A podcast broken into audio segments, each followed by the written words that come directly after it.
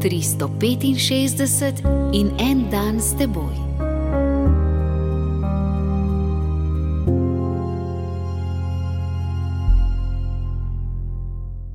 Iz Matejevega evangelija, šesto poglavje, 26. vrstica.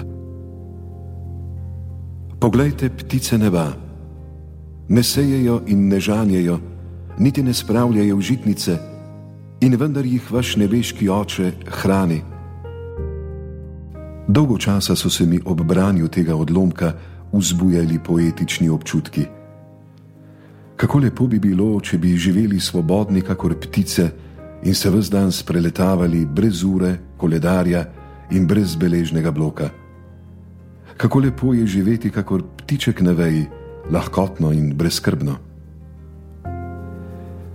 Potem sem nekega majskega jutra, ko sem opazoval ptice na drevesih v cvetočem vrtu, videl, da ptički niso nikoli pri miru, vedno nekaj počnejo.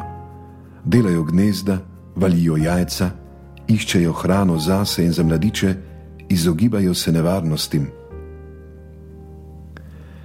Na misel mi je prišel ta evangeljski odlomek in rekel sem si: Kako sem neumen, ničesar nisem razumel.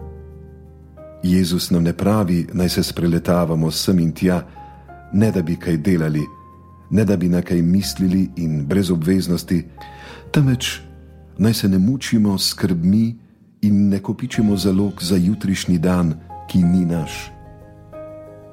Rekli boste, in Frančišek Asiški, ki je živel kakor ptice neba, točno tako.